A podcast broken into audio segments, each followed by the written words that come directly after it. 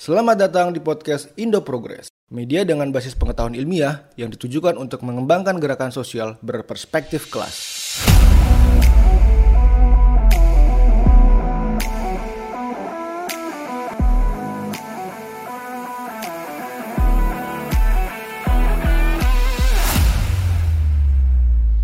Uh, terima kasih sudah mau hadir di acara kami, seminar Indo Progress yang merupakan uh, acara uh, untuk uh, bisa dibilang launching kami uh, terhadap edisi perdana jurnal Indo Progress.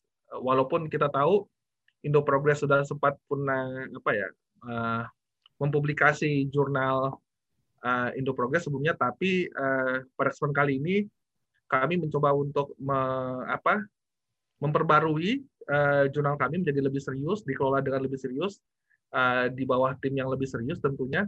Dan semoga pada kesempatan kali ini, uh, karena jurnal pertama sudah meluncur keluar, kita membuka ruang diskusi gitu sebagai bagian untuk perayaan peluncuran per perdana jurnal ini. Terima kasih sekali lagi buat kawan-kawan yang mau menyediakan waktunya di pagi hari ini. Pada kesempatan kali ini kita punya tiga pembicara yang akan uh, yang pertama adalah uh, kawan Teresa Tadim Tadem yang uh, merupakan profesor di uh, University of the Philippines di Center of uh, kalau nggak salah CIDS ya. Is right Teresa? CIDS Center for Integrative and Development Studies right in the University of the Philippines.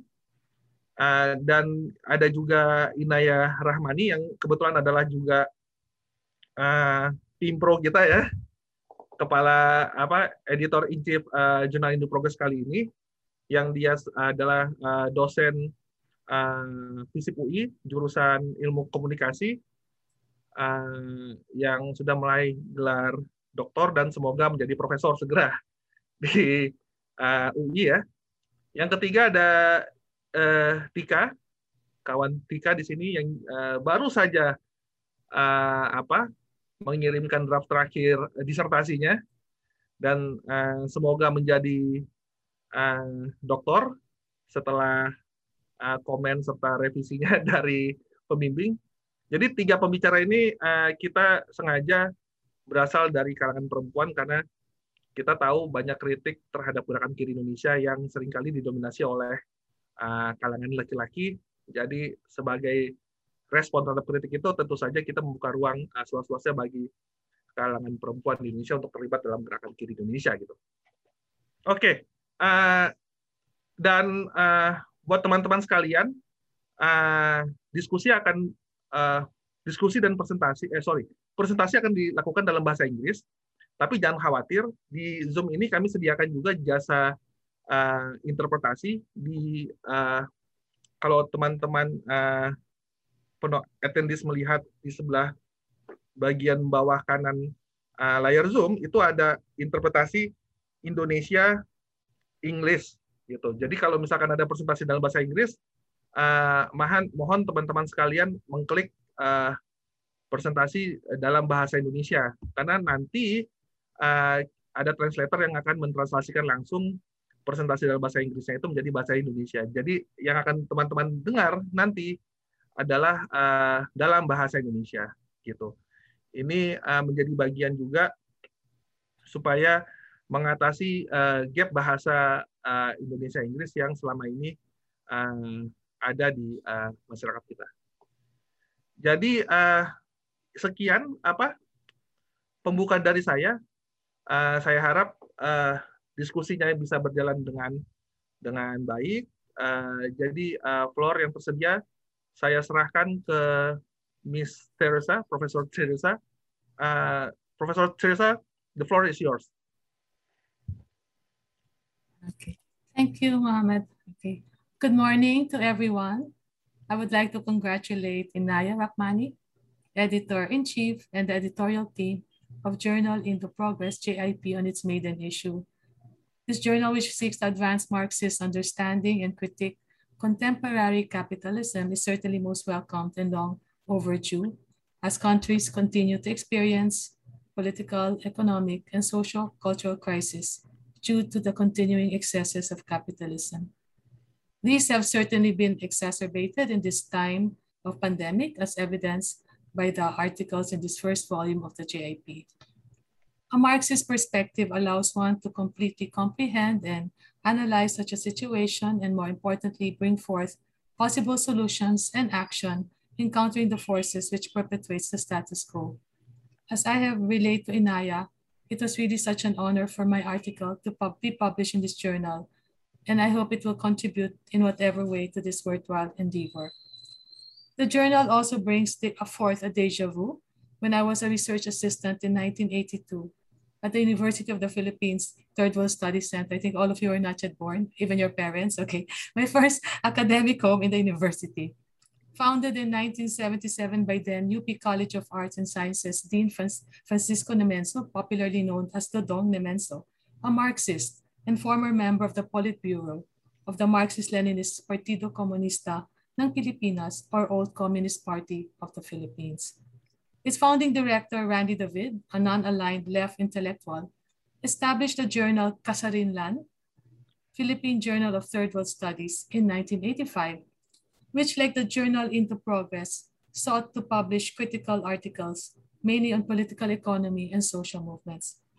Kasarinlan, which means autonomy, unwittingly became a venue of the debates which were ensuing in the new Communist Party of the Philippines, which was established in 1969 its military arm, the New People's Army, the NPA, and its United Front, the National Democratic Front, or the CPP-NPA-NDF, which found a voice in the journal.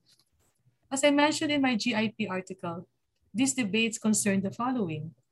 Whether the class and armed struggle should have priority over NGO development work, as well as over non-class struggles such as the rights of women and indigenous peoples and whether guerrilla warfare or a protracted people's war of surrounding the city from the countryside should trump over urban warfare, among others, which was happening in El Salvador in the late 1970s that time. With regard to the latter, urban warfare succeeded in overthrowing the Marcos dictatorship in the 1986 People Power Revolution, which happened in Epifanio de los Santos Avenue, or EDSA, a major highway in Metro Manila. Thus, this uprising is also known as the 1986 EDSA Revolution. After the 1986 People Power Revolution, these debates intensified and ultimately led to the split of the CPP NPA NDF in 1992 between two factions. That is, the reaffirmist RA and the rejectionist RJs. The RAs, or reaffirm, are those who maintain that the CPP should continue to strictly adhere to the orthodox Marxist, Leninist, and Maoist principles that they had advanced from the early days of the CPP, while the RJs are those who reject this. The middle class elements in the CPP, NPA, NDF, as well as other left formations, would play a crucial role in the pursuit of the legal struggle. One was the formation of NGOs, cooperatives, and civil society organizations, or CSOs, carrying development work, as well as advocacies, both class-based, workers' rights, and non-class-based, that is, environmental and human rights causes. This faction of the left movement viewed the movement away from focusing mainly on an organized political force to win state power, as emphasized by Leninism in its war of position, which spans successive conjunctures, shifting the balance of forces, through intervention at various sites, and particularly within civil society. In the Philippine popular movement, this Gramscian position allows for what popular democracy or POP-DEM leader and former NDF head Horacio Boy Morales defines as people empowerment. That is, the transfer of economic and social power from one center to another and or to create new centers of socioeconomic powers complementary to or in comp- competition with the traditional centers. The two strategies, that is the armed struggle. Sorry, the, Teresa, excuse yes. me. can you uh, make us speak a little bit slower because Oh, I'm sorry. I'm sorry. Yeah. Okay. sorry for the for the translator Should I- he Should He I repeat any? Should I repeat anything? sure. or- I, I'll No, go ahead. just just Okay. just just go ahead thank you. Sorry.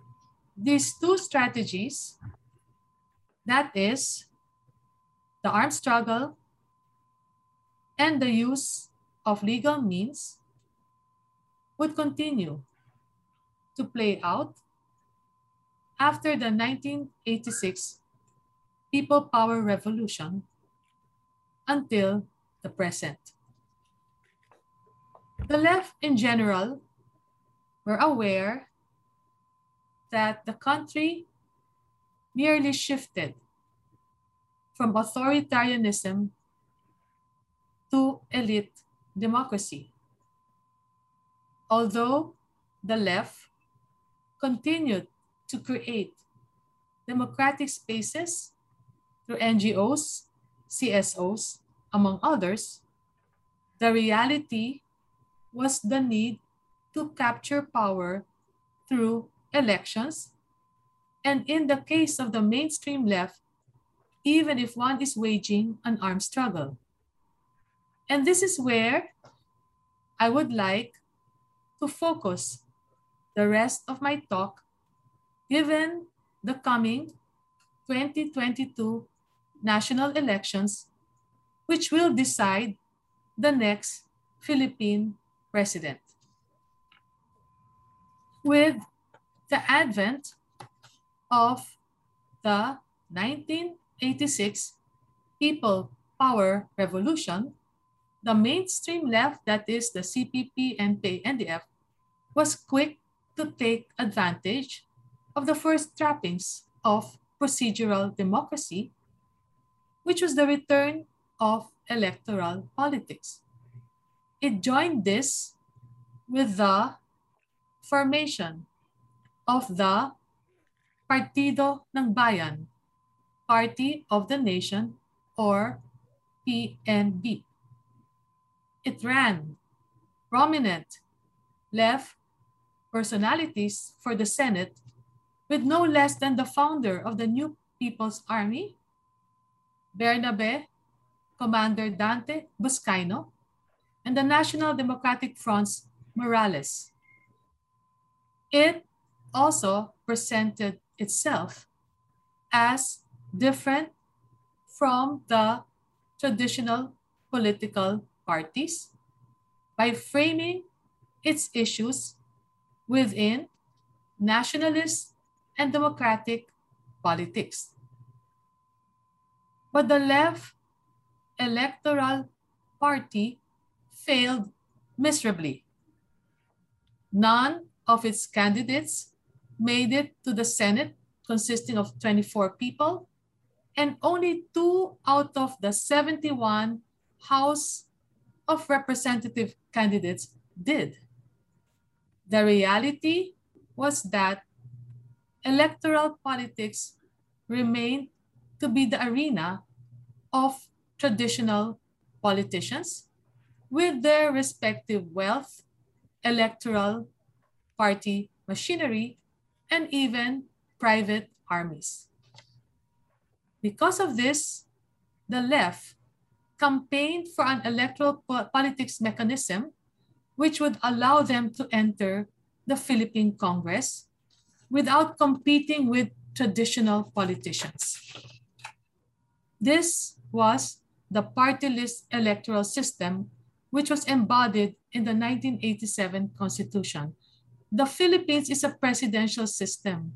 So it's like majority vote and then you win. Even if you win by 20%, as long as you have more over. Unlike again in Indonesia, which is a parliamentary system which runs parties and the parties have their nominees. It is different under a presidential system. So this party list electoral system allotted a maximum of three seats in the House of Representatives to marginalized sectors who are able to gain at least at least 6% of votes, votes cast for the party list parties. So initially, the party list parties identified with civil society organizations, CSOs from the left, were able to gain the support of traditional politicians.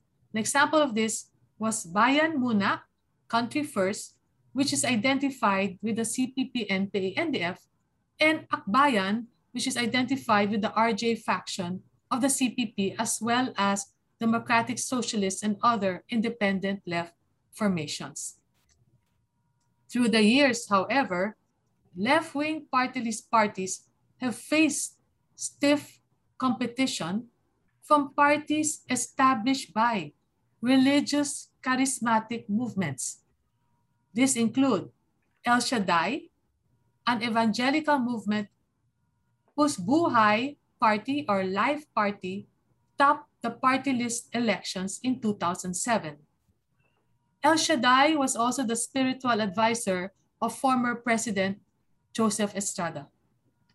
While Iglesia ni Cristo, Church of Christ, whose party was the Alagad Party, made it to the top 10. Iglesia ni Cristo, composed of around 3 million um, supporters, uh, members, would always give their full support to the dictatorship during the martial law period. And then you have the newly formed Citizens Battle Action Corruption Party, CIBAC, of the Jesus is Lord movement, whose leader, Eddie Villanueva, was actually once a member of the CPP during the time of Jose Maria Sison in the 1970s in the university. They were contemporaries. This gradually started the marginalization of the left party list parties, which was aggravated further by the incursions of traditional politicians who established their own parties under this electoral system. An example of this was the Ang Galing Filipino, the Filipino is Great party list party for security guards, who is represented in Congress by Juan Miguel Mikey Arroyo, the eldest son of former Philippine President Gloria Macapagal Arroyo. So they start to establish parties for the marginalized sectors, but the traditional politicians are the ones representing them. For the left, therefore, it believed that the only way to survive was to ally with traditional politicians, as was the case of the Alliance of Rural Concerns Party. Teresa, uh, five yeah. minutes left. Five minutes left. Okay, I'll just, maybe I'll just, uh, okay. ARC, just stop me anytime mga, was the party list of the Left Formation Peace, Partnership for Ecumenical Action and Community Empowerment, consisting of many members of the RJ faction.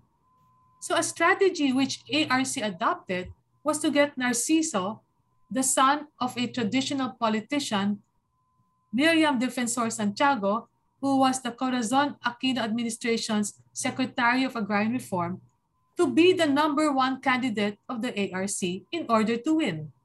So this brought about divisions in the party with a faction of the peace organization leaving the ARC.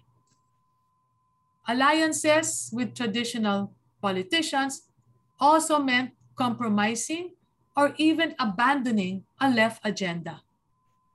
The 2010 national elections further highlighted the absence of a feasible and winnable left alternative whereby CSOs identified with the left ideological blocks of Akbayan, Bayan Muna, and Sanlakas chose to support the presidential candidates of traditional politicians. This continued to play out in the 2016 national elections, but nothing came out of such an alliance, and the left, both the CPP and the non-CPP, continued to be marginalized in both the legislative and executive branches of government. Just tell me when to stop, Mohammed. Okay. Um, should I stop now? Uh, you, you have three minutes left. Okay. This coming 2022 presidential election, just a second.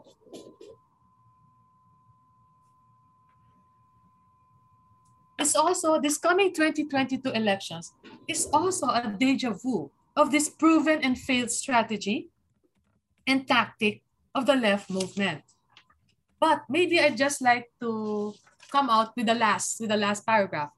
Now, the seemingly maverick in the left movement is Laban ng Masa, Fight of the Masses, who is fielding Leodegario Ka Leody de Guzman for president under a socialist platform, that is, a democratic socialist electoral platform for 2022 elections.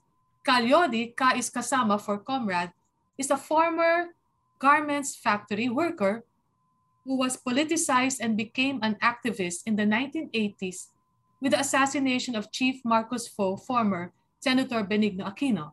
He is running under the party Partido Lakas ng Masa, Party of the Forces of the Masses. His vice presidential candidate is Walden Bello, an academic scholar activist and former member of the CPP. Bello is also a global civil society movement personality and a former member of the House of Representatives representing Akbayan, a left political party. So maybe I'd like to end here. It's a good, it's a combination of someone from the working class, someone from the middle class and intellectual vying for the presidential and vice presidential positions in this coming 2022 elections. And it's actually the first time this has happened since the 1930s when there was a socialist party which ran. They won two seats, but they were taken out. Um, they were outlawed by the current Philippine government with US assistance. So this is the first time. So we, we are still looking at how this will unravel. The elections are still in May 2022. Okay, thank you. I'll stop there. Thank you, Mohammed. Thank you, Teresa. Terima kasih, Teresa, atas uh, presentasinya. Presentasi yang menarik. Uh, sebenarnya pada dasarnya memberikan penjelasan tentang kesulitan-kesulitan uh, perjuangan gerakan kiri uh, Filipina setelah uh, uh, demokratisasi, yang mana agenda-agenda kiri bisa dibilang sampai dengan tahun 2020 uh, cenderung termarginalisasi, tidak ada ruang sama sekali karena uh, dominasi kekuatan uh, politik lama dan juga tentu oligarki di Filipina. Tapi sekarang ini sudah ada perkembangan di mana gerakan kiri mencoba untuk menjadi lebih terbuka, mencoba untuk mengusung platformnya sendiri dengan tadi calon dari PLM Partido La Casa Masa yang mana uh, presidennya berasal dari gerakan buruh, tapi wakil presidennya berasal dari kalangan intelektual. Ya, kombinasi yang sebenarnya bukan hal yang baru gitu. Kalau kita lihat di Bolivia, ada juga uh, Evo Morales dengan uh, Garcia Linera. Evo Morales berasal dari Serikat Buruh, Garcia Linera ini intelektual. Itu sedikit apa simpulan yang bisa saya tawarkan ini. Oh ya, uh, buat para penonton ada uh, kolom Q&A di sini. Jadi kalau ada pertanyaan langsung aja dilempar di Q&A. Saya sebagai moderator akan langsung uh, melihatnya dan juga akan ketika uh, forum Q&A ini akan dibuka, uh, saya akan merujuk langsung ke pertanyaan yang diajukan oleh atendi di sini di kolom Q&A. Jadi uh, bisa lihat di bawah di samping partisipan itu ada uh, Q&A. Jadi silakan uh, fungsikan kolom ini jadi uh, setelah semuanya sudah uh, memberikan presentasi, uh, saya sebagai moderator akan membuka ruang uh, tanya jawab gitu. Dan uh, untuk membuatnya lebih terstruktur dan sistematis, uh, mohon gunakan uh, kolom Q&A. Jadi uh, karena kita melihat membludaknya apa penonton di sini, uh, uh, kita uh, kalau memungkinkan kita akan membuka uh, tanya jawab melalui suara, tapi kalau nggak memungkinkan kita akan tetap fokus di uh, kolom Q&A. Mungkin itu dulu. Uh, sesi selanjutnya silakan Inaya uh, dan mohon maaf sebelumnya saya nggak kasih tahu ke Teresa bahwa saya ada mohon maaf ada slot waktu 20 menit untuk presentasi. Uh, kepada kawan Inaya dipersilahkan. Terima kasih, Do. I'll be speaking uh, I'll be speaking in English because I'd very much like to uh, interact as well with uh, Teresa because um, for me personally, Uh, and politically, uh, this is a social process that we need to maintain so that uh, our respective experiences with being part of a left movement can also interact with each other. Um, I obviously read your article, I edited your article. We also work in another setting and under institutional university structures. Uh, and uh, it, it, it, it, your, your mentioning of a democratic space latched onto me because um, this democratic space uh, comprising of intellectual and activists is a dynamic space in which uh, every individual, every organization, every alliance um, is, is, is changing as social conditions also change.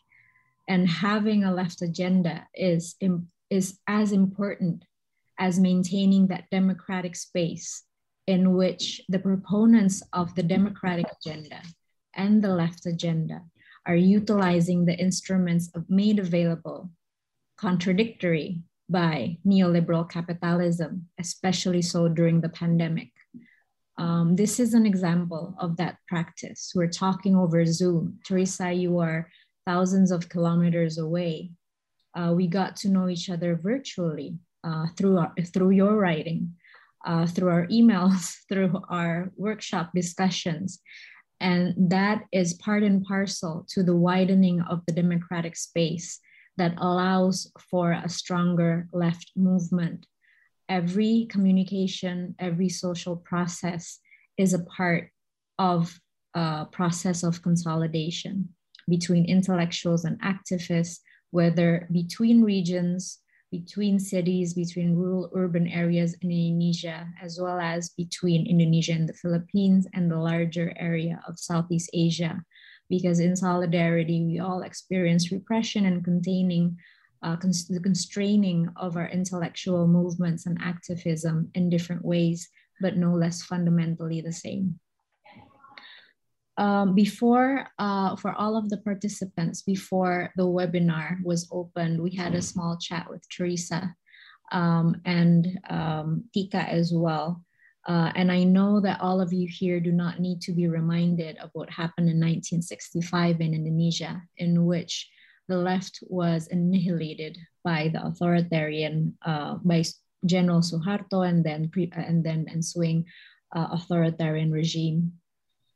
Um, our universities throughout those decades were geared towards state and economic developmentalism, prepping our markets for uh, imported, um, uh, the, the, the, increasing movements of peoples and goods through the signing of the free market agreement, the GATT. Since then, um, uh, many of the activists, left intellectuals, have been able to take advantage of the widening space of labor markets, especially in the intellectual and student market and university market in Southeast Asia. Some of the most prominent were the late Arif Budiman, uh, Ariel Heryanto, and Vedi Hadiz, which in their own way maintain their intellectual uh, leanings and sympathy towards whatever is left of the left movement in Indonesia. Uh, as uh, many scholars have mentioned, especially so Vedi, who is here, who is also your friend, um, reformation and democratization resulted in the reorganization of the centralized power, and the oligarchy is very much still alive and kicking. What does this mean for us as intellectuals sympathizing with Marxist thinking and those wanting an end to capitalism, not only where we are, but all over the world? we had a discussion as well when we launched the Institute, Indo Progress Institute for Social Research and Education. Under the absence of having mentorship, under the absence of having left intellectuals passing on traditions to the next generation, this generation of scholars, intellectuals, uh, and activists come intellectuals or the other way around began our indoctrination, idealization through books, through textbooks. we come from the middle class, the very bourgeoisie you're talking about, Teresa. We are skillful in formal legal instruments and university instruments. We understand the language of neoliberalism that we also criticize through our uh, writing. However, at the same time, we're also inevitably complicit in reproducing the kinds of inequalities that we criticize by virtue of being able to speak English, by virtue of being able to read and write, by virtue of having the ability to have this stable, somewhat stable internet connection and gadgets to access, we are practically, actually, definitively not laborers.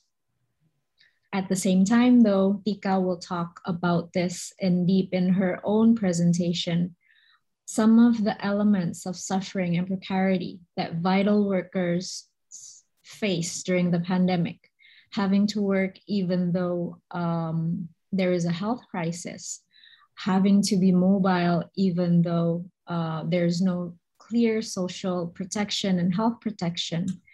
That kind of suffering, I think we can relate to, sympathize with, and empathize regardless of our social status and class status, as long as we maintain that left agenda of redistributing access and power as much as we can, as much as material conditions permit within the current capitalist structure, and for that, a proper analysis of the modes of production, the modes of uh, consumption, and also the variations of exploitation as experienced specifically by women, by lower classes, by the poor, by ethnic minorities, by people in rural areas, by people with disabilities, all need to be part of the very democratic space you vouch for, Teresa.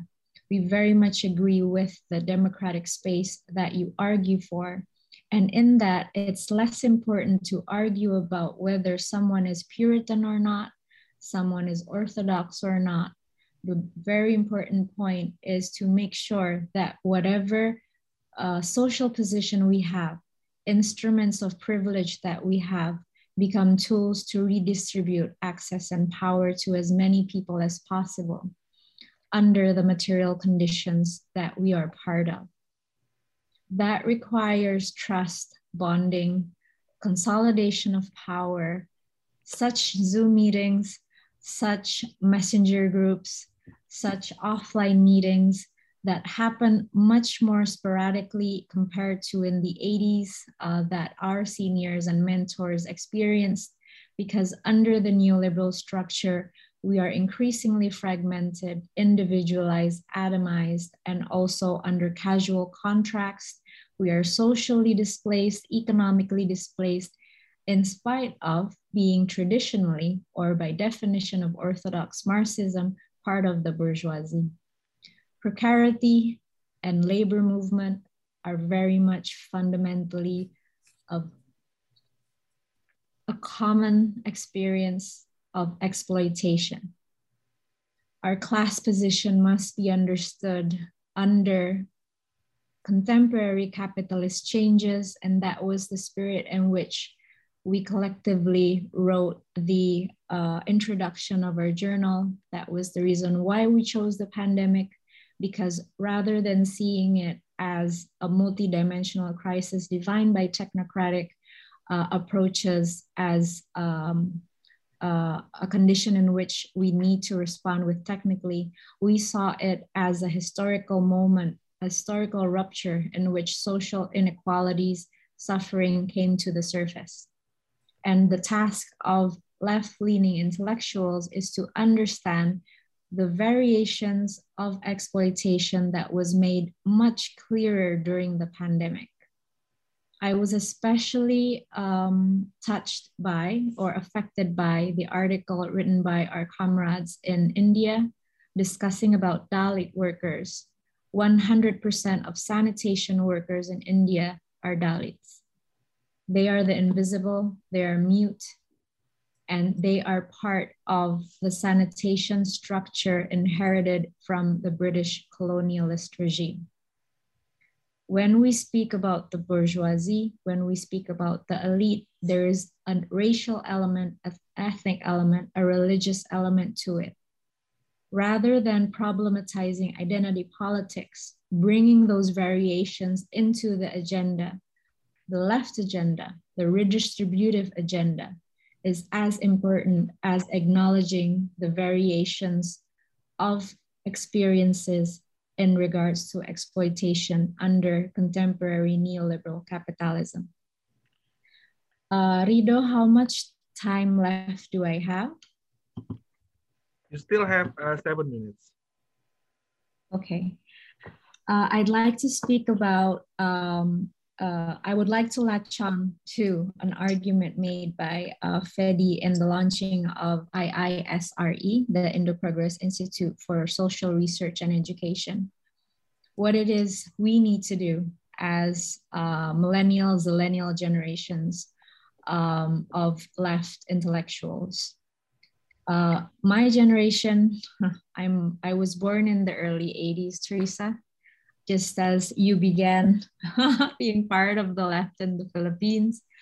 Uh, many of our um, alumni uh, on, in our informal school, we have weekend schools regarding progressive Islam and Marxism, schools about uh, oligarchy, about labor movement, and also about carrying out critical social science research um, across proponents uh, in the NGO sector. So making Marxist terminologies familiar to uh, a variation of people coming from different um, employment and sectors. It was a very de-alienating process for me personally uh, because um, many of the alumni uh, are high school graduates, some are PhD graduates, some are prolific writers, but in that space, in that social space, which was carried out by Zoom. Special thanks here for Safitri Mohan uh, and Gun Ponto, who organized the classes. Um, the immaterial actions, the immaterial aspects or ideas material, materializing to actions, and then it scaled up into options of co-funding. There are now options to have the school based on subscription, based on um, uh, donations. Uh, and we also instilled subsidies and scholarships for those coming from eastern part of Indonesia. We also took into account the uneven digital uh, access throughout the region. We also took into account the ability or literacy in reading English materials in which most of Marxist readings are written in. We use video, short videos available and open access through YouTube, crash courses on ideologization, crash courses on coding, uh, which made available and more accessible accessing um, reading materials visually and audio uh, based for laborers who can access uh, such with limited internet connection during the weekends. Actions in democratic spaces that is permitted through the neoliberal instruments of digital platforms become one of the technocratic or legal skills or literacy skills that the bourgeoisie has that Teresa mentioned that also needs to be utilized, mobilized to redistribute access. It comes not only in the form of ideals wanting to revolu rev revolutionize, revolutionize, but it comes in the very everyday politics that we need to face in our daily setting uh, Eduardo Tadem, uh, Tessa's partner and ally and UPCIDS sent me an article over an, e over an email written by an author from the Philippines called Everyday Socialism, in which during the pandemic, food pantries were open across the region so that people um, who have lost work, people who are poor, uh, have access to food everyday socialism, everyday Marxism can come in the tiniest form, it can come in the largest form of ideals, but latching onto the democratic space, it needs to be acted out, not only through words, but also through actions, so that the immaterial can mo be mobilized, externalized, and institutionalized, but in a critical way, into alliances and a maintaining of momentum. This is. Two minutes left, sorry. Yes, yeah. this is uh, the end uh, of uh, the talk that I would like to open. Uh, we too, uh, Tessa, experience uh, fragmentation within our movement, within which there are issues about um, people of the left who went into bureaucracy and are seen as part of the power structure. But your presentation reminded us that having allies higher up is also important so we can mobilize the left agenda. And it's also important to keep them in the left movement because it's very much a social process and ideologization process, process of ideologization, because as power is internalized and, and, and interacts with our allies in higher up positions, they are also vulnerable to be part of the oligarchy. So maintaining that relationship, pulling them into our discussions, pulling up, pulling them into our immaterial and immaterial conditions, immaterial and material conditions of that democratic space is a responsibility that the bourgeoisie need to hold so that access and power are redistributed. I'll end it with that. Uh, Tika, I think, will speak more about uh, the precarious in universities in Indonesia. Um, um, I'd like to, uh, um, uh, I'm not supposed to do this, but um, I'm here as the editor-in-chief of Indo Progress, but I'm also the director of the Asia Research Center. It's actually a historical accident and a funny joke because um, Dick Robison, Vedi's teacher, Fedi is my teacher. So there's a historical materialism that emerge with different times. Uh, is also the inaugural director of the Asia Research Center in Murdoch University, in which I was an alumni. Uh, and that's also a democratic space that I very much want to connect with Indo Progress, but we need to look at whether material conditions permit.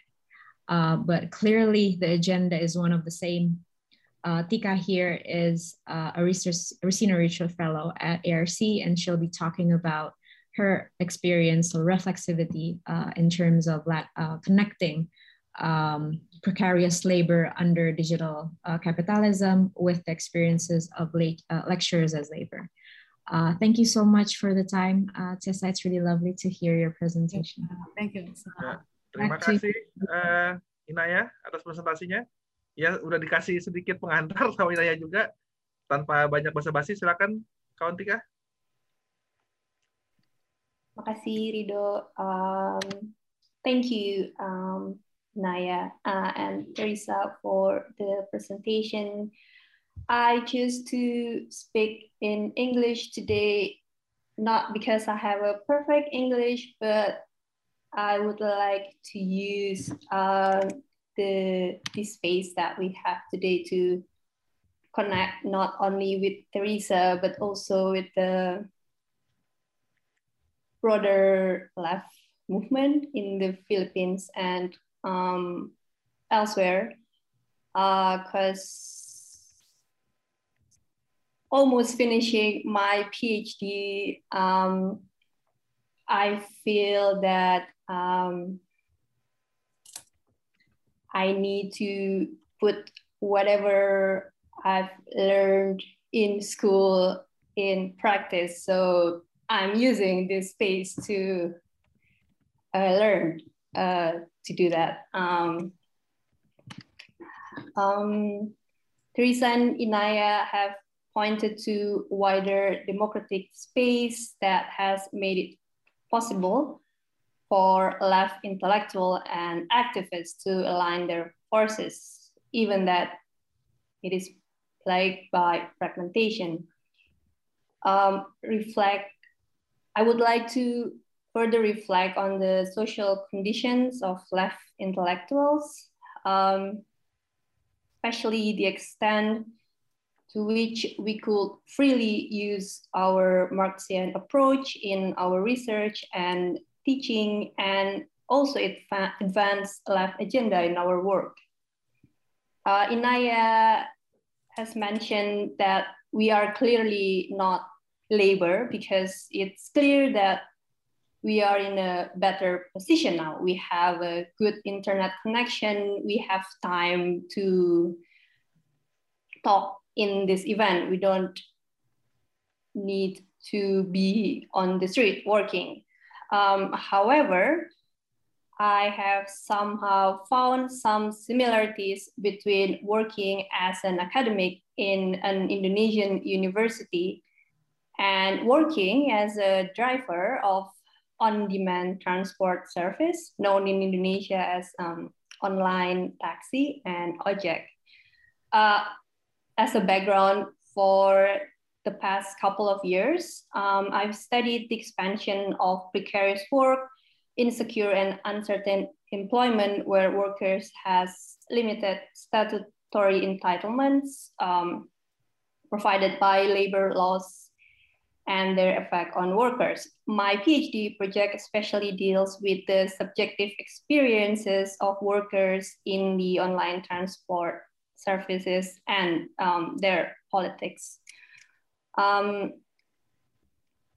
during the interview and in the process of writing my thesis, to my surprise, well, not really surprising, I repeatedly found similarities in my work as an academic and the work of um, those people that I interview, the driver in the online transport um, service, uh, work as a lecturer and a researcher um, in an Indonesian university, not so much different um, from those driver has been shaped by the restructuration of work on a global scale, where more firms um, utilize precarious work, flexibilization, casualization, and such norm have become, such practices have become the norm in workplaces, including in um, university. I argue in the thesis, which I can also uh, see happening in the universities, is that this whole dynamic in the work of work has result in the individualization of work process, uh, also the individualization of work problems um, in universities, uh, which also cause the, no, not causing, but accelerating atomization of academic workers. And these two um, have had effects uh, on lefty uh, scholarship. Uh, when I talk about individualization of work process uh, and work problem in university, um, I refer to the process in which work has increasingly become um, an individualized experience, a condition um, in which we as academic workers see ourselves as the bearer of work most related risk. Um, this then result in uh, our justification of our own self-exploitation. We've worked long hours, uh, we accept uh, the burden of uh, teaching jobs, admin, research project, and there's also we, we, we realize that the, we still we still need to do some academic work. We need to write, we need to publish, and those kind of work.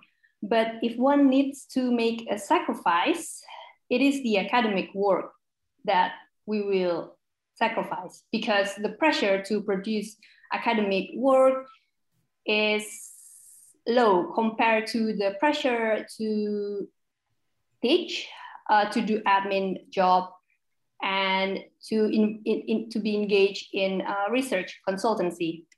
Um, in this kind of situation, we are habituated to personalize our work-related problems, also the solutions.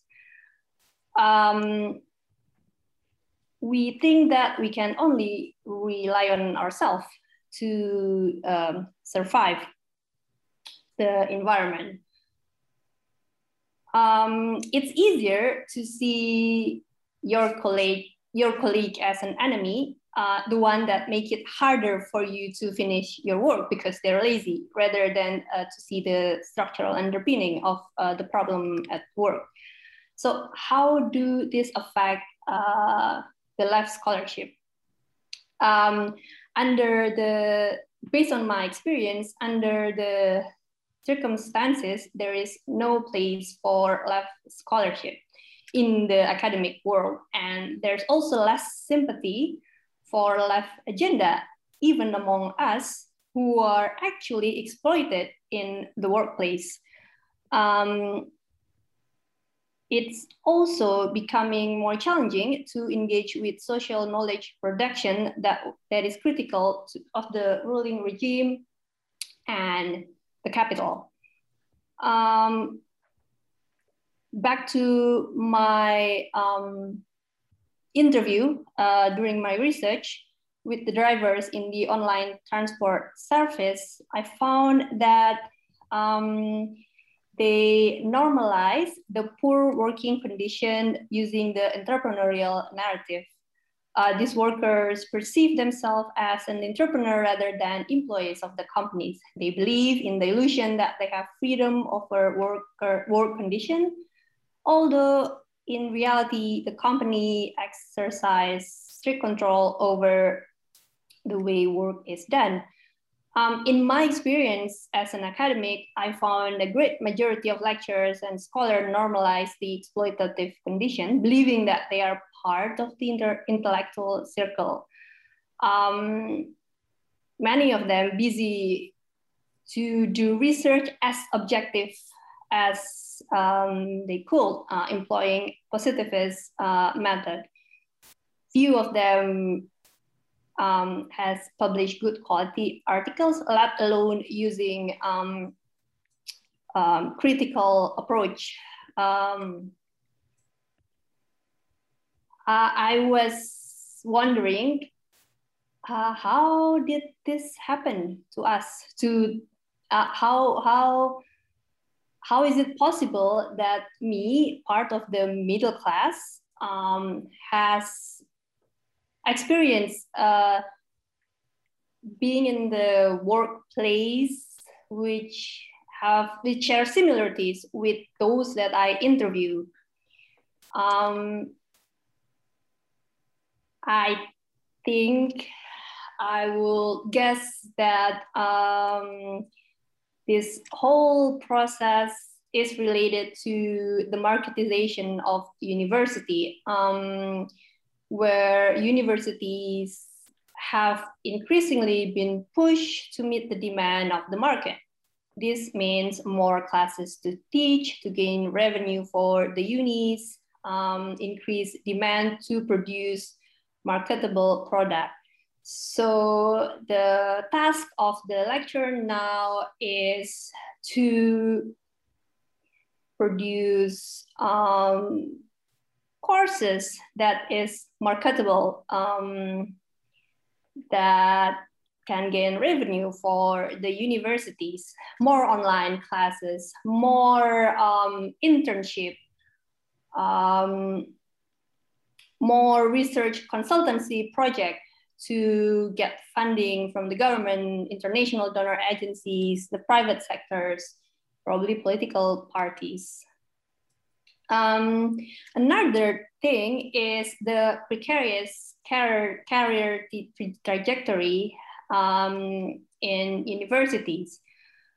Um, in Indonesian in, in Indonesian universities, uh, probably half of academic staff are employed as civil servant. Naya has mentioned that he too is a civil servant. Um, so um, recruitment follow mostly closed or semi-closed system. While recruitment has becoming more open, the, the insularity remains. Um, the faculty members will prefer to employ researchers and lecturers who have been employed casually. So um, a couple of colleagues, including myself, we've been employed casually in the uh, university before we actually gain a more permanent, we, we secure a more permanent position. Within the precarity, um, we need to um, survive. So this push us to work uh, and work and work. Um, within the circumstances uh, when the lefty scholarship, the left scholarship was heavily repressed under the new order, the left agenda and discourse remain to be absent in the academic discourse, even when we are in a very exploitative uh, working condition, we cannot relate to workers, um, for instance. Um, there's also a lack of uh, social basis. Um, um, we cannot, um, we, there's no space for us to articulate our um, grief at work at the working Tika, day. five minutes left. Okay. Okay. Okay, thank you. I'm almost done. Um, so that's uh, how it is at the university. Um, but actually, um, the social circumstances that create obstacles for us also provide some opportunities, although it's very limited. I, in my own experience, um, opportunities to build solidarity, for instance, come from uh, the opportunities to study abroad through scholarship. Uh, under um, having scholarship and studying abroad actually provide me a way to see the, the, workplace um, from a different perspective. Um, because I went to Melbourne um, for my PhD, I saw how uni- how the union works and how it's actually um, not it's not fair to be in that kind of um, situation. Another thing is that there's also an avenue for us to use research funding um, to actually uh, advance the critical approach and the left agenda. That's what Inaya probably mentioned by instrumentalizing the neoliberal um, instrument. Uh, the challenge here, because in a world where Marxian terminology is not well accepted, we need to frame our research ag agenda and concern in a way that is acceptable by the government and international organization to get research fundings. And it's not always easy, but that's what some of small institution that we can establish at the university try to do. That's what uh, Inai and I have been trying to do, for example, through um, Asia Research Center. Okay, I think. Thank you Tika, terima kasih Tika atas presentasinya. Uh, saya nggak mau memberikan kesimpulan, silakan uh, kawan-kawan sendiri yang menonton uh, presentasinya memberikan kesimpulan. Jadi yang ingin saya uh, ingatkan di sini adalah uh, ruang tanya jawab sudah terbuka. Uh, silakan gunakan ruang uh, Q&A yang sudah disediakan di Zoom untuk uh, bertanya apa pun terkait dengan presentasi yang sudah disajikan oleh uh, tiga presenter di sini. Uh, jadi saya mulai dari satu pertanyaan dari kawan Rolip Sabtamaji. Dia bertanya uh, tentang bagaimana kita menemukan kesamaan antara gerakan kiri Indonesia dengan Filipina dalam dalam uh, ruang politik formal parlementer. Mungkin karena uh, Teresa, uh, ya ini pertanyaan yang uh, kalaupun Teresa punya gambaran tertentu tentang Indonesia, silakan di dipresentasikan. Jadi ini pertanyaan untuk Teresa, tapi saya juga akan buka ke, uh, kalau Inaya atau Tika punya komentar, silakan. Uh, kemudian Teresa, silakan. Oh, not not in terms of the parliamentary form, but more of um, regional alliances. For example, even in the 1980s, we had this Asian Regional Exchange for New Alternatives, where Arif Budiman was among them, including people like, I don't know if you still know them, Dawam Rahardjo, Ignas Kleden of LP3ES. So in other words, there was a solidarity movement already during the period, the authoritarian period. And from there, so in other words, the in terms of the the, the, the solidarity, there was among among the people's people's movements. And maybe just and they basically with intellectuals. Because uh, when arena was basically for a more theoretical forming with academics and people heading ngos which are based on the grassroots. But i'm not familiar with regards to the parliamentary at that level at the at the formal level because i guess our, our parties are also weak it's really more the level of social movements and of course when i mentioned about technology, the anti-globalization movement was carried out, made possible because of the internet.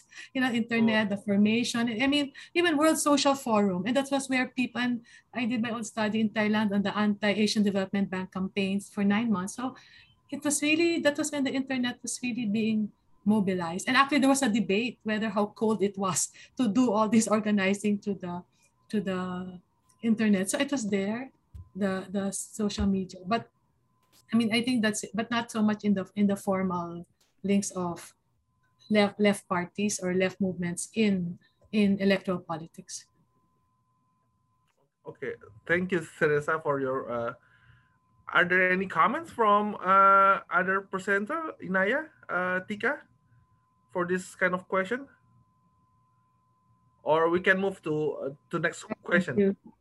I do. If okay, sure, sure, please. Um, uh, my question is uh, for Tessa and Tika. My uh, the question for uh, Tessa is: You mentioned um, fragmentation uh, across or um, between reaffirmists and rejectionists.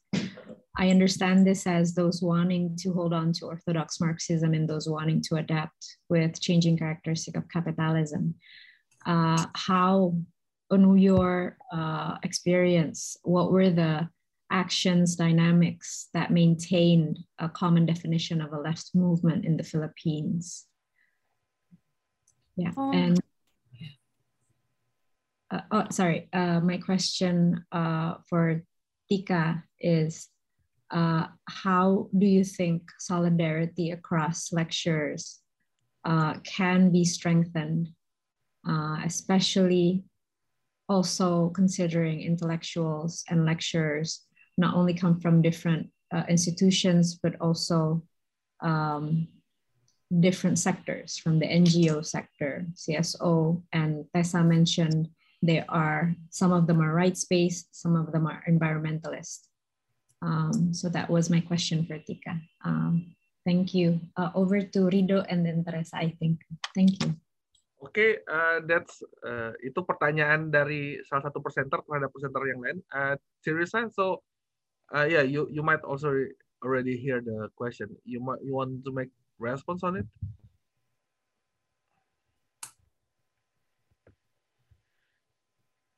Please, Teresa. Uh, I'm, I'm sorry.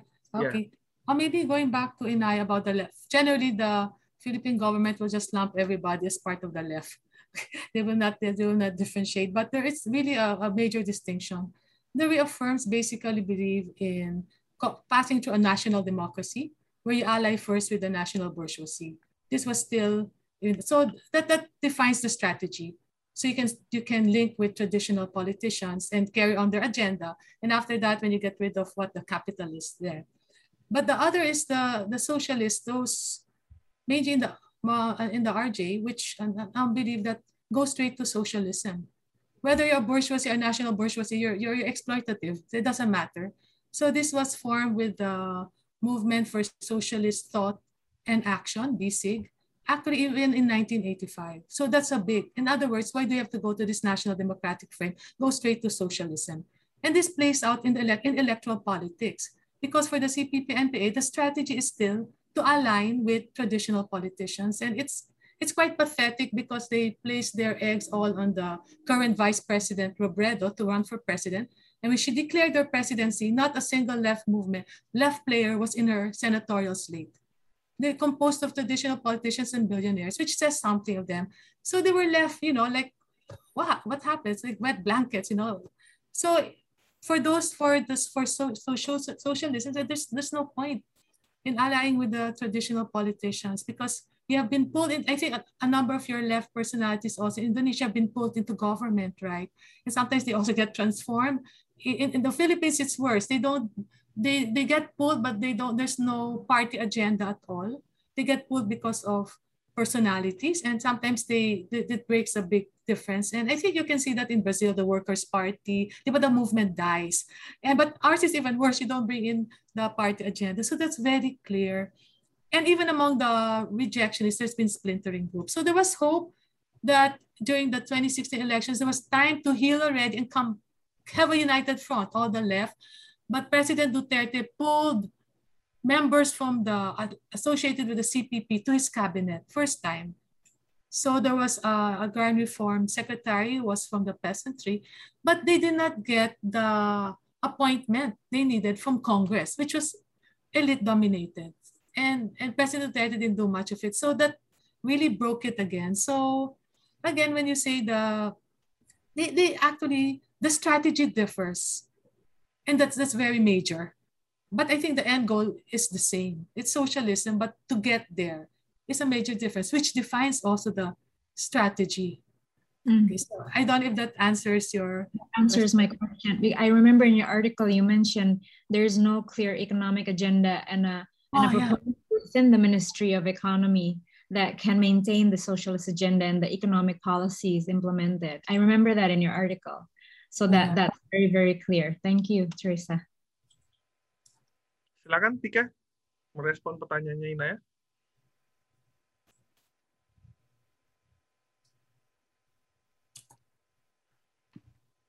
Sorry, um,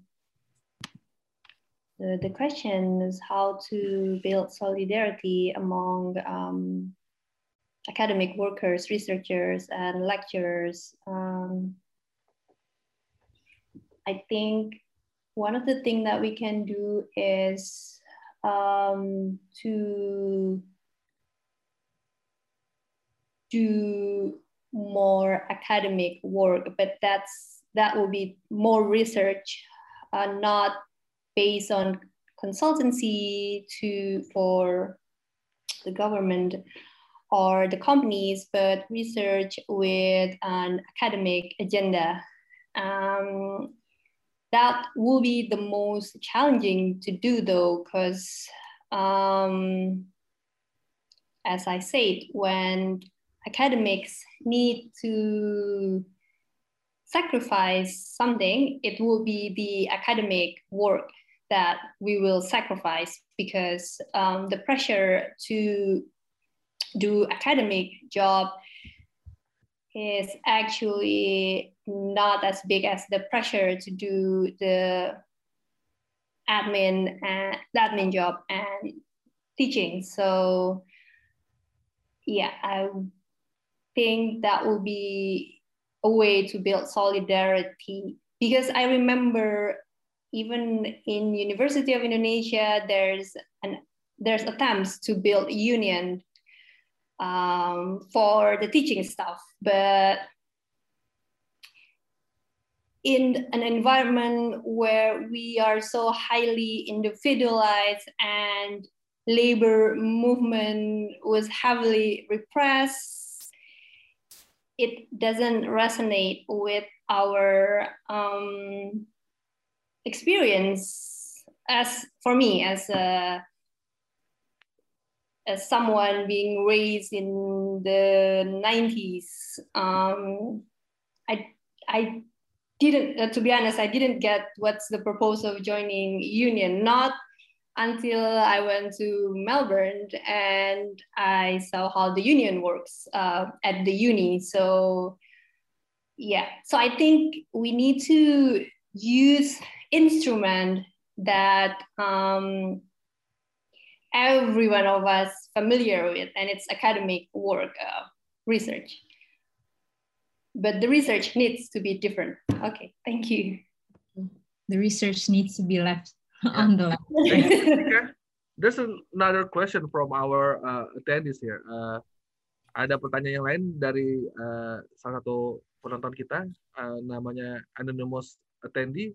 Dia bertanya dan mungkin terkait juga sama pertanyaan yang diajukan oleh Naya di sini tentang uh, bagaimana kita uh, apakah Tika bisa mengelaborasi lebih lanjut gitu uh, atau yang yang lain gitu.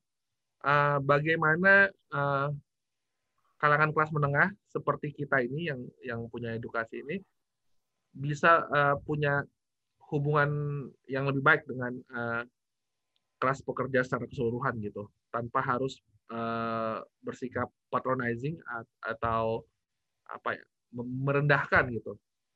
Itu pertanyaan yang pertama. Uh, yang kedua dia uh, lebih kayak komentar aja tentang uh, penggunaan kata reformasi karena itu uh, mengimplikasikan bahwa sistem bisa diubah dari dalam gitu yang mana uh, banyak akademisi berupaya untuk berargumen tentang itu uh, yaitu uh, pertanyaan dan juga uh, komentar. Silakan kalau ada uh, Tika, Inaya, or Teresa want want to make comments on that question, please. Uh, uh, and by the way, please uh, make your statement slower because uh, the translator kind of have problem yeah, following sorry. the argument. Thank you. Uh, maybe Inaya, you want to make a uh, remarks on this? uh, how to better connect with working class people. Um, um, okay, um, because my because I'm a I'm trained in uh, media and sociology, communication sociology. So I began uh, my journey as an academic by understanding actions and words. So um, it's micro, and then I um, uh, I continued on the journey with Asian studies uh, for my PhD. So the structural analysis came later on rather than early on. Um, based on that experience uh, and personal tactic, the best way is actually to sit next to people and experience their suffering and finding a common experience, a common feeling, or a common social position in spite of coming from a very different personal history. So it's historical material, materialism applied individually. And with that kind of regularity, you would find yourself being marginalized by the marginal just because you look different. You wear clothes that they interpret as part of the uh, bourgeoisie that they hate because in their experience the bourgeoisie um, um, are their majikan are their uh, informal bosses teresa. So domestic workers have bosses in their house and there's a blurred space between labor and domestic and that's normalized in the structure. And with that action, that agency, you would, the consequences that the sympathy developed is for the common suffering we experience with those who are, come from the working classes, but element of marginalizations that they experience, we experience too. Because anyone part of the 99% knows what it feels like to be exploited. So patronizing or out of touch if you still keep that in your mind that you are better than someone else, it wouldn't allow the resocialization or internalization of common suffering, a common left agenda in everyday politics. What's a bit trickier is the everyday socialist pantries in the Philippines, Ed has said, is now replicated by the Duterte government. So it's a multi layered process of re internalizing based on our active actions. So building uh, leftism not as a theory, but as an action, because materially it's not only constrained in Indonesia, it's annihilated. Um, so that is my response to your first question. And the second is the continuing word of reformasi as opposed to revolution.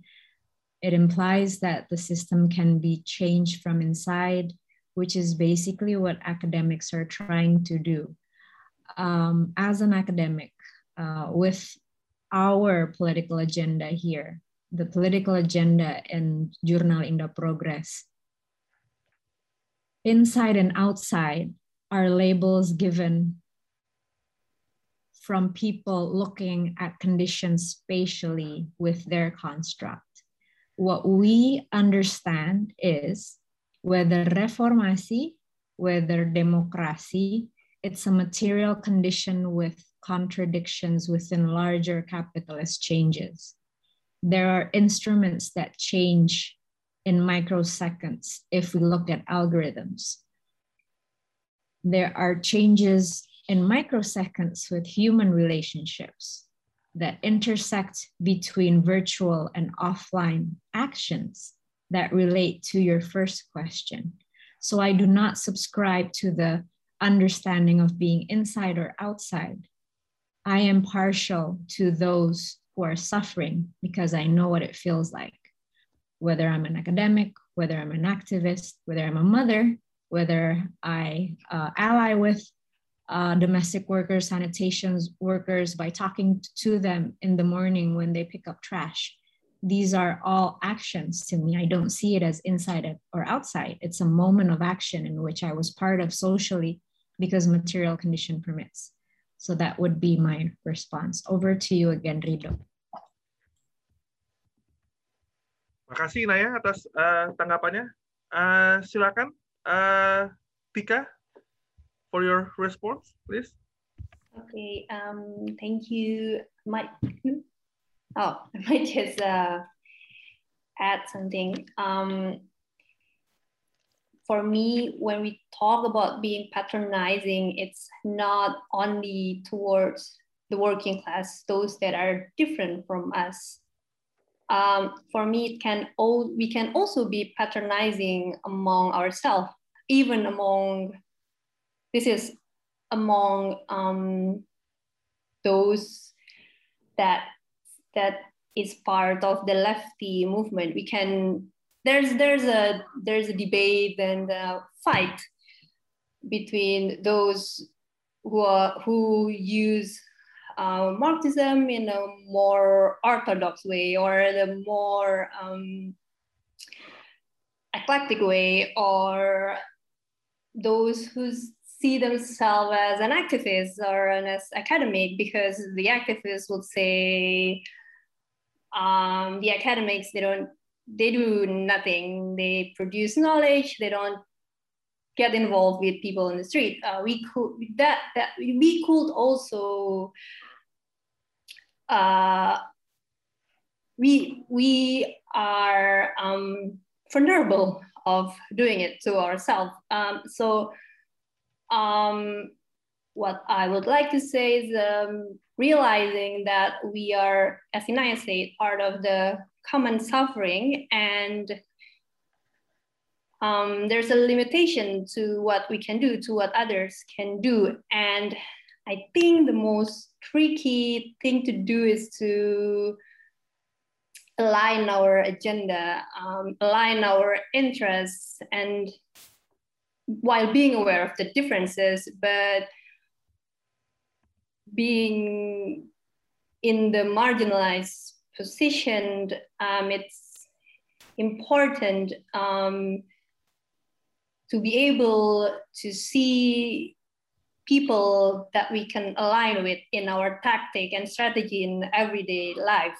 Um, so yes, that will be my answer, Rido. And um, the, the other thing about Reformation, as an academic, I cannot see myself as an reformist. I don't think I can change the system, not in this generation, not in the next two generation probably, but I can probably find a way to instrumentalize the system um, to, to, to use my scholarship to learn something new, to use the research funding to open up avenue for um, lefty scholarship, left scholarship. Uh, that I can do, but to change the system, I don't think I or other academics actually have the uh, power to do that. Um, that's but that's my uh,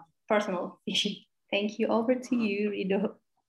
Thank you, Tika. Uh, Teresa, you have some remarks with regards to how the educated middle class can better connect with the uh, broader working class segment? And also what is your comments on the idea that to involve to engage with the system in uh, in order to change the system itself? Thank you.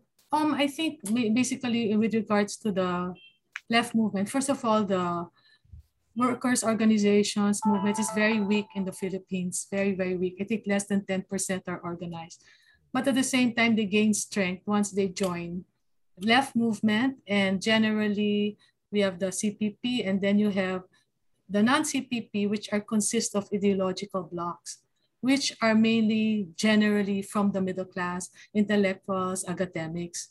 So they come in there as a, as a movement, the labor movement, there are own organizations where they get a voice and they find it stronger based on a coalition. And the middle class tends to rely on them because they're supposed to bring in the votes, for example, in elections or the or or, or that. So I think that that's the kind of relationship. So to what extent are their voices being heard is, is another question because you also have different agendas there with the working class part of ideological bloc. I don't know if this is there. I, so I think that is part of being part of a movement strengthens them.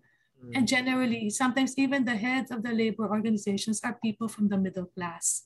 Okay. The organizers are middle class. Mm. So, and maybe going back to what Dick was saying about the university, the we have an all University of the Philippines Workers Union, they, they fight for their rights and we, we, we pay, everyone pays, all the faculty and all, but it's, it's more of the, do they get higher pay, higher salaries, but not at the level of changing the system.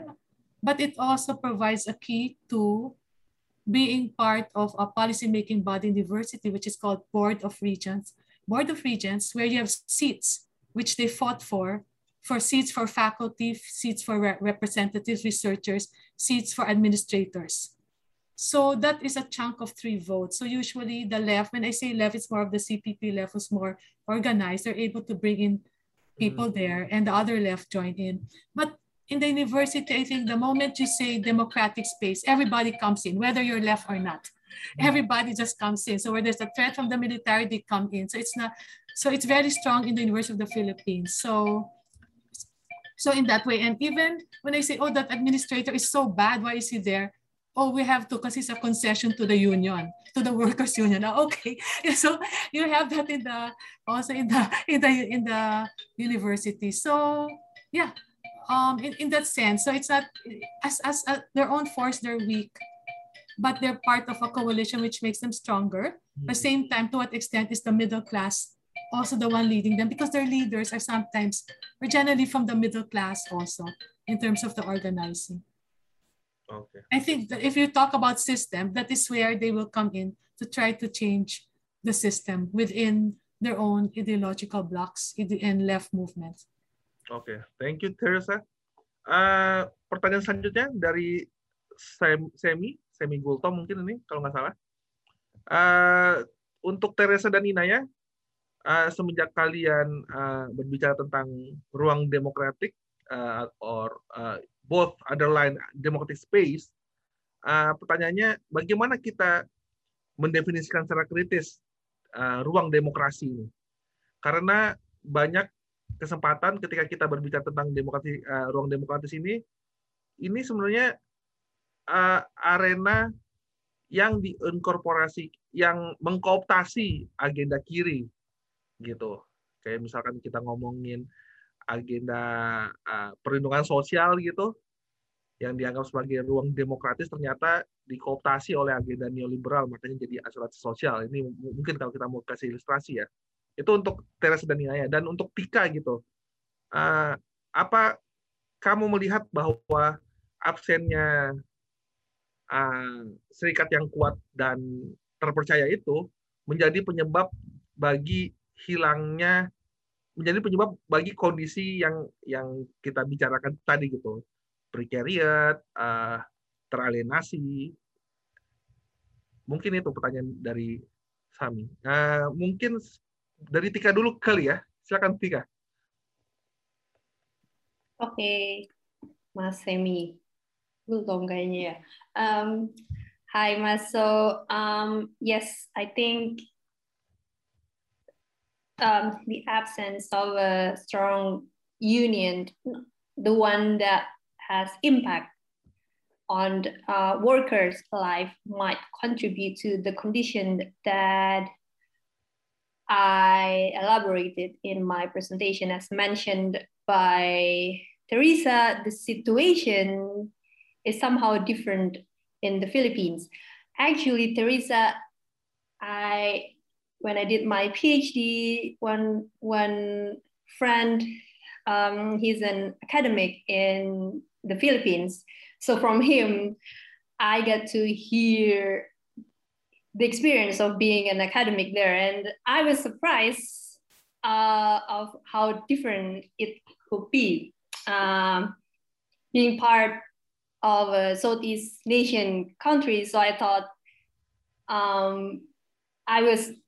It was a surprise for me. Um, so the answer to Sami is yes, but for me to a unionism is not only about establish a union, establish an institution for workers and register the institution to Ministry uh, of Labor. It's not about that. Um, you can have an organization, an institution, but if you don't have people who believe in the, the institution and what it can do, um, the institution would mean nothing. So uh, at least from my research on drivers in the online transport service, the lack of um, labor union representative is not only about the lack of organizational structure,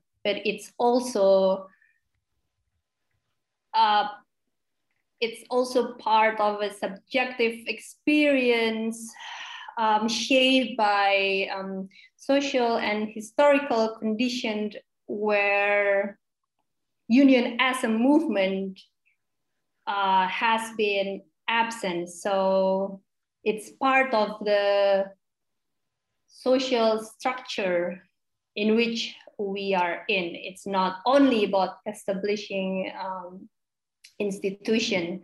Because if I say that yes, the problem now is because we don't have union, and then the solution will be to establish union. But establishing union only in the uni will not be enough without the social basis relations between people who share common ideas and able to support the cause of the union. Like Teresa said, in the Philippines, no matter what happened, um, even you're left, but all or you're not left when something happened, people come to the university. It's a safe space for people to talk and um, express their concern. Um, I don't think that's the cause for us. Okay, thank you. Over to you, Rido. sorry. Uh, terima kasih Tika. Uh, semoga bisa menjawab pertanyaan dari uh, Bung Semi Gultom. Uh, selanjutnya, uh, next to Teresa, how we critically define the democratic space because it's, it sometimes it can be easily co-opted by the, the the ruling class, the the powerful. Please, Teresa. Um, when you say democratic space, space, it's simple. The right to express your opinion, the right to voice, voice out without the threat of being killed, which is a reality. I mean, especially under this Duterte administration, you have lawyers being killed because human rights lawyers, not only workers, even farmers, and even journalists. And that's why it was like, maybe I don't know if it's a slap on the face that the Nobel Peace Prize for Journalism was given to Maria Ressa, a Filipino, actually was CNN correspondent in Indonesia. And she established Rappler and my God, the legal action which the uh, President Duterte or whoever associated it filed against her so it, and they closed down a major television station, although owned by a bourgeoisie, but still it was spewing out, they felt against the government. So it's a reality. And maybe going to what Tika was saying, the University of the Philippines itself was, there is an agreement with government that no military can come in the university to pick up anyone. The university, it has to be the university in coordination with the University of the Police. And the head of the military abrogated it unilaterally. And there was a big outcry, and ironically, even from traditional politicians who were graduates of the university, because of the appreciation of UP as different as creating, as, as having a space. Okay, so I think that that that that is very that is very um, basic because it instills a fear that you're not able to walk around, express yourself. And, and so that is what you say about democratic space. Okay. Especially with impunity. I mean, the killings of people. I think we have the most we have the most journalists killed in the world, even compared to the Iraq War or anyone. Mm. So that is a reality of the democratic space all over the country. Oh, thank you, Sister Teresa. Inaya? Yeah, I completely agree with Teresa. And um, I'm reflecting now on some uh, debates, debates and conflicts within the democratic space that Teresa defined in Indonesia. Uh, uh, the human rights agenda is,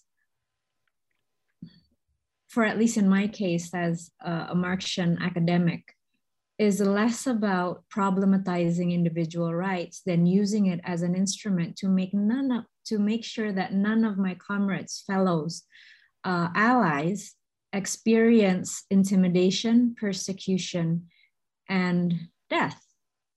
It's very basic. It's living free of fear, being able to express your experience in a space in which you will not be you will not face consequences from the ruling class. And if you do you have people on your left and right to protect you. In this case my allies in the human rights movement they're socio-legal scholars they're uh, lawyers who fully believe in the objective and formal legal formal uh, legal formal instruments of the law, but they defend left or journalists who are reporting on uh, corruption in the extractive industries. They are on the front line defending them. I would think that criticizing an ally within the democratic space undermines the left agenda in that uh, movement. Uh, and there's a there's a, a, a thing that we mentioned research called genit intellectual. It's intellectualism for cosmetics, just for being uh, I'm a Marxist or I'm a um, uh, a liberal pluralist or whatever. I, I for I actually really don't care. I look at the actions, the movements, the social basis, the solidarity and whether or not the person would stand up for someone else in a, in a setting in which someone else, not of themselves, are being bullied in a corner. And if that person's not there for me, uh, whether they're uh, on the left or on the right, they're not my ally. They're not my comrades. Um, I'd like to give an example of Islam Bergerak. So it's uh, Islam in Movement. Um, a new friend, her name is Rizky Afiat. Um, um, I was I was trained in the Al Azhar, the Islamic uh, modern education system, and I, I, gradually left it behind and uh, self-indoctrinated with new terminologies because it, made more sense to me socially. And her presentation, sorry, Rizky Fiat, I'm speaking on behalf of you. Um, uh, she argued for a redistribution of wealth through the zakat system. So she connected two bodies of work within the mazhab, the hadith, and also the Marxist, orthodox Marxist class analysis.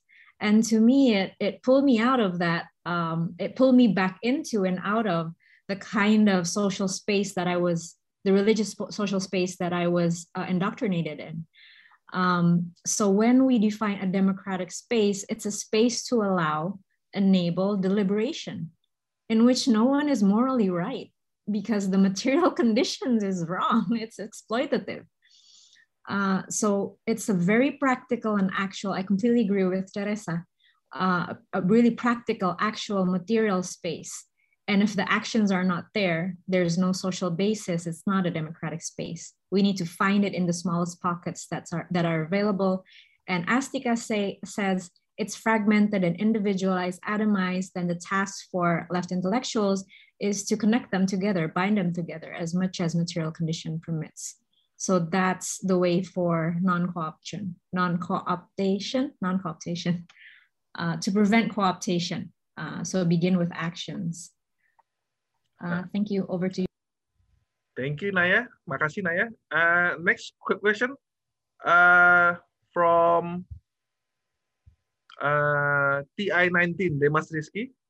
Uh, I think this question is exclusive for Teresa here. He just curious about how the left, particularly the CPP, can maintain their basis because they they still uh, maintain their agenda for national democratic uh, politics, right? And one of their agenda is to also maintain their uh, arm uh, struggle. So how how the NPA, the CPP, maintain their politics in the midst of uh, electoral politics right now? I think for as long as there's poverty and inequality, oh. and yeah, and even if we had growth of seven percent, but unequally redistributed, they will attract. They will also attract. But the question is, how strong are they? They were not as strong as during the martial law period because of all the abuses but at the same time, they remain to be the most organized because the non-CPP left are consist of a lot of disorganized groups. You know, and and so I think the the the strength is still with the CPP in that sense.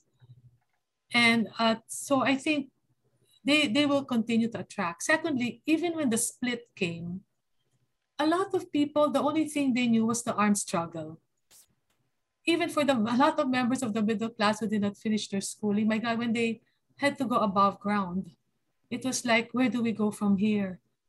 But again, there was more room for the middle class to segue to other opportunities, options, unlike if you were a peasant or a worker.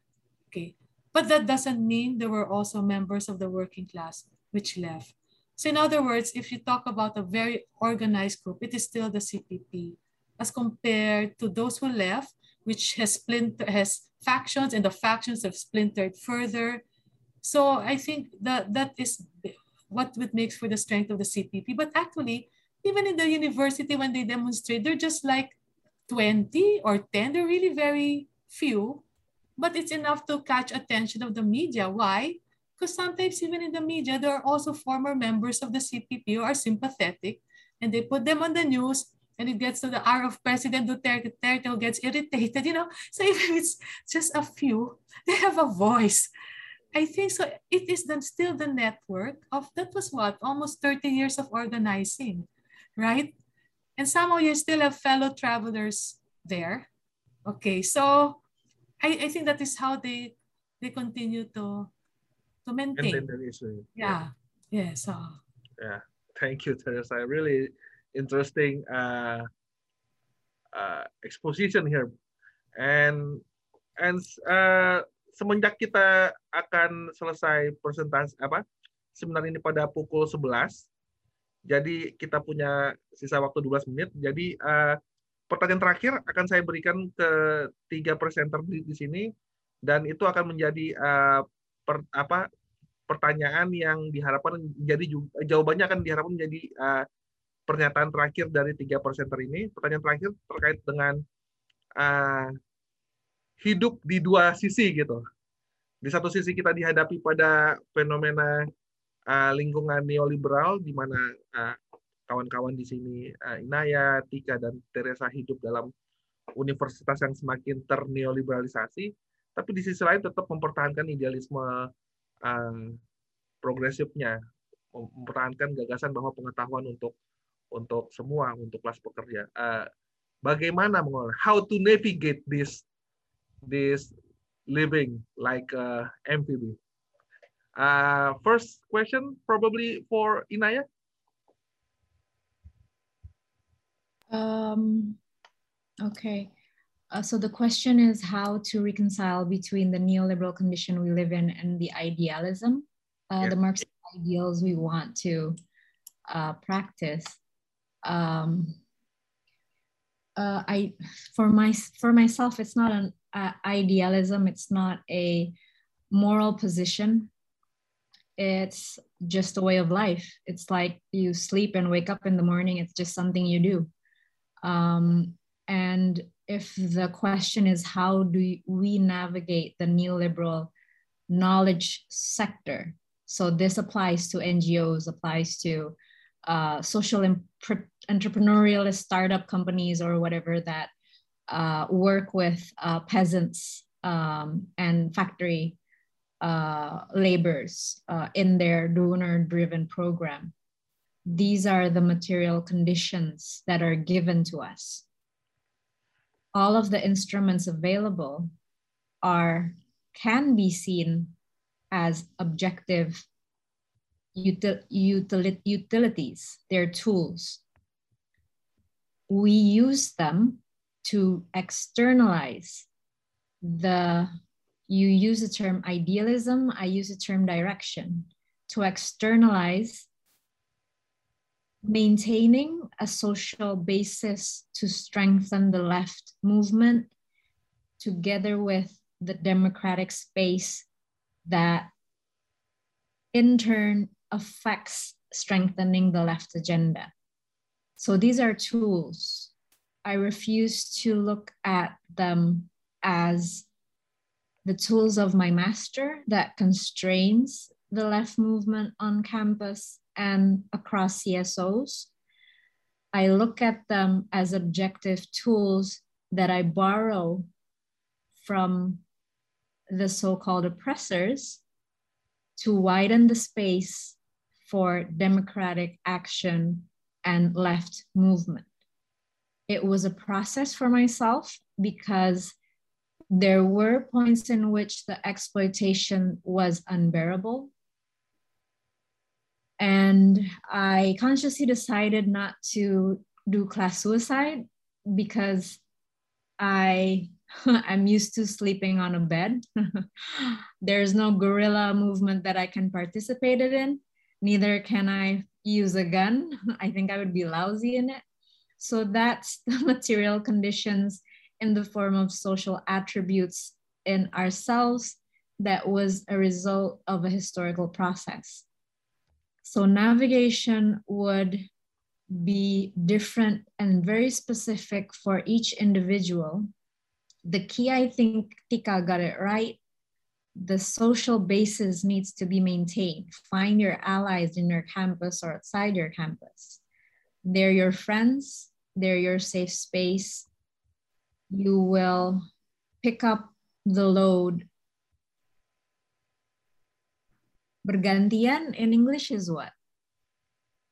Taking turns of picking up the load because it's a shared burden. And all of your resources become a common, become a commons because there's no property and possessiveness in the paradigm that I've subscribed to. Socialism by practice rather than as an ideal. Uh, that would be my answer. I hope it um, does respond to the question. Over to you, Rido. Thank you, Naya. Uh, Tika, silakan. Makasih. I'll try to be short and concise. Um, I've come to learn to, through my research on uh, workers in the gig economy, uh, I've learned to see myself in the suffering of others. Um, that's how I learned about how a working environment at the university can also be exploitative. Uh, my theoretical framework look at how our workers' subjective experience are shaped by material conditions. So how to navigate, so the question was how to navigate the neoliberalized university. My answer would be find a way not to feel alienated, not to internalize the individualization that works um, um, that we cannot really avoid. Um, what made me feel uh, less alienated is having friends, comrades uh, that share uh, the same goals. Um, so the answer would be to um, try as much to develop and strengthen the social basis uh, that can help me uh, to see the problem that I experience not as my individual problem, but but um, to see the structural underpinnings of the working condition. So, yeah, the answer will be to um, establish and maintain the social basis with people who share the same agenda. That means learning to align my agenda with people who might share the common interests, no matter how little our similarity is, that in a system that is really oppressive, that should be enough how little the even uh, the similarity can be very little. Um, I think uh, I'm done. Thank you. Thank you, Tika. Teresa, last remarks? Okay. I think in the university, it's very important the positions of power who makes decisions. So the chancellor, the president, because they provide the environment. And I think we've been quite fortunate so far that and it's it's political also who, who gets appointed because they will pave the way to support the dissent that goes on in the university. And for example, um, even from the office of the president, we have uh, martial law textbooks to highlight the atrocities of the martial law period because the Marcoses are so rich, they are rewriting history. Mm-hmm. All the textbooks and even our undergraduate students do not know about martial law, so they accept so our, actually, the next president might even be the son of the dictator. It's really horrifying. After 50 years, you have the son of the dictator now going to be the president. So, and you really, so the university is under siege. At the same time, maybe just the last on the neoliberal agenda. But it was such a, I would say, a bloody war in the university when there was a move for general education to be taken out. So that means if you're taking engineering, they wanted it, economics, you do not have to take social sciences or the arts. And for us, that is where the creativeness and the critical thinking comes in. So it, it was very, it, it, there was a compromise, but it lessened the general education which actually they would say is the mark of someone who graduates from the University of the Philippines because of the way of thinking which is imbibed through these courses that are taught, which are now taken away. So it might as well be a technical school, engineering, economics, business administration. I mean, they, for them, they can math. They, they want just to do away with that, just to be able to compete. So that's that's a reality which was really fought in the battlegrounds of the of the university for social sciences and the arts for students to be required, to still be required to take these courses. Because that is where your critical thinking comes in. So it's really a reality. When you say all these all these issues of neoliberalism, it's easier to rally people under anti-dictate anti-dictatorships, but to say anti-neoliberalism, it's it's kind of a vague thing that has to be, you know what I mean? It's harder. I, I mean, it's because it can be positive, it can be negative for some people. And maybe just the last, I think in the writings, it's very clear the impact of neoliberal policies, the rice tariffication, which opened up the floods of imported rice with our farmers losing, losing their livelihoods, all these um, goods, imported goods coming in. It is a, it's a, a reality. And again, take advantage of the university it also creates spaces. We have this extension load credit of instead of 12 units, three units where you can devote on extension work, which can be NGO work, not matter what ideological persuasion, but you know, so there is a provision for that kind of activity. But again, it depends on the leadership also. Very important. So there's so much at stake. Who will be the, the leadership of the university? Whether this is a liberal, a left, or a right wing, it affects the way the academic community will be controlled, will be behaved, and the contentions that will exist in it. Maybe I will I will end there. Thank you, Teresa. What's a nice uh, summary to sum up our discussion here about the importance not only to see what Tika says as a social basis, but also the leadership. So it is more like uh, top to the bottom and also bottom to the top, right? The process that we need we need to. I think uh, just the correction: the bottom has to choose the top. Yeah, but but it has a, to come from the bottom. Yeah, because if it's the top, yeah. so there is a pressure from below pressure to choose below. the right person and not somebody yeah. who is imposed from the the top. It's a challenge. It depends yeah. also on the Philippine president. In a, in the case of our university, yeah, it depends. Yeah. They will decide who the leader will be. Yeah. Okay, sorry. It's okay, it's okay. Yeah. Uh, terima kasih semuanya. Thank you for all the presenter here. Uh, I really enjoy the discussion here. Although it might not be, uh, and I'm sorry for those who already, sorry, I'm talking in English. Mohon maaf terhadap uh, attendee yang sudah mengajukan pertanyaan. uh, saya uh, sebagai moderator nggak uh, mohon maaf tidak dapat mengakomodasinya karena uh, keterbatasan waktu. Tapi uh, jangan khawatir, ini adalah momen pertama dan sudah pasti bukan momen yang terakhir. Jadi kita akan banyak uh, membuka ruang diskusi lagi. Dan kalau mencari jawaban, tentu kita bukan ahlinya.